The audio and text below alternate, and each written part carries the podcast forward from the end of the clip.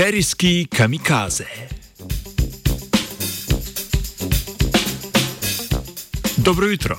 V današnjem znanstvenem Britofu razpravljamo o spopadih med sorodnimi seri bakterijske vrste Escherichia coli. Raziskovalec in raziskovalka z Univerze v Oxfordu sta v članku objavljenem v znanstveni reviji Current Biology popisala najnovejša dogajanja. Opazila sta, da pri bakteriji E. coli med spopadi različnih sevov v določenih primerjih prihaja do masovnih samomorov bakterijskih celic, pri tem pa se iz celic izločajo kolicinski toksini.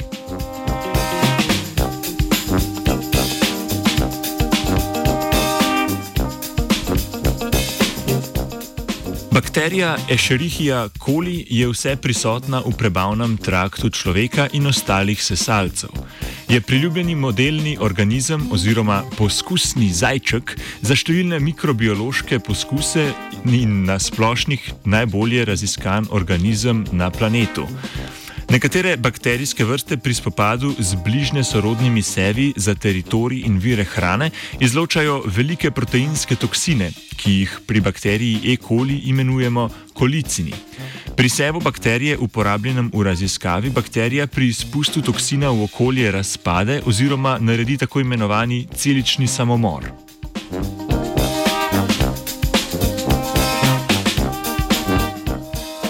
Presenetljiv je predvsem pojav množičnih samomorov med bakterijami, saj je, je se to stališča evolucije ne zdi neracionalno, se zdi seveda neracionalno in zelo potratno.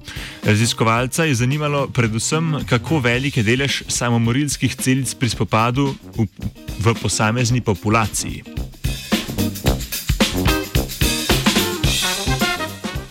Bakterijskim celicam sta v genomu stavila zapis za zeleni fluorescenčni protein, ki se je izražal, kadar so bile celice izpostavljene kolicinu napadalskega seva in tako omogočila njihovo zaznavo s fluorescenčno mikroskopijo. Bakterijsko kolonijo sta izpostavila raztopini, ki je vsebovala kolicin tekmečevega seva. Ta kolicin je poškodoval DNK celic in pri njih sprožil izdelovanje lastnega kolicina. Med opazovanjem sta bakterijske celice v populaciji razdelila na tri skupine. V prvi skupini so bile celice, ki jih je prisotnost kolicina seva tekmeca uničila. V drugo skupino sta uvrstila celice, ki so izdelovale toksin in se na koncu ubile, v tretji skupini pa so se nahajale žive celice, ki so se bile sposobne razmnoževati.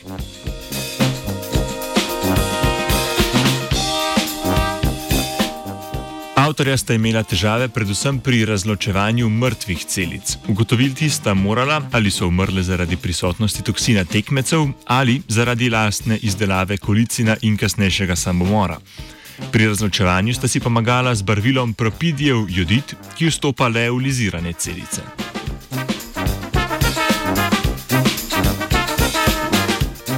Rezultati poskusa so pokazali, da celice na robu kolonije, ki so prišle v neposredni stik s kolicinom, takoj umrejo zaradi prevelikih poškodb dednega materijala. Celice, ki so se nahajale globje v notranjosti kolonije, so kasneje prišle v stik s toksinom in ob poškodbah DNK začele množično izdelovati toksine. Pri celicah v sami notranjosti kolonije sta ponovno zabeležila manjšo stopno proizvodne kolicina in samomorilnosti.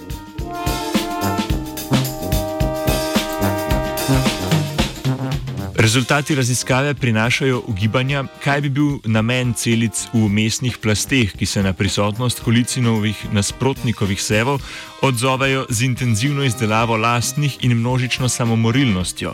Ponujajo pa tudi različne predvidevanja. Eden od sklepov je, da skušajo celice v primeru, da zaznajo, da so v vsakem primeru pogubljene, z intenzivno izdelavo lastnih kolicinov prizadejati čim večjo škodo nasprotnikovemu sevu.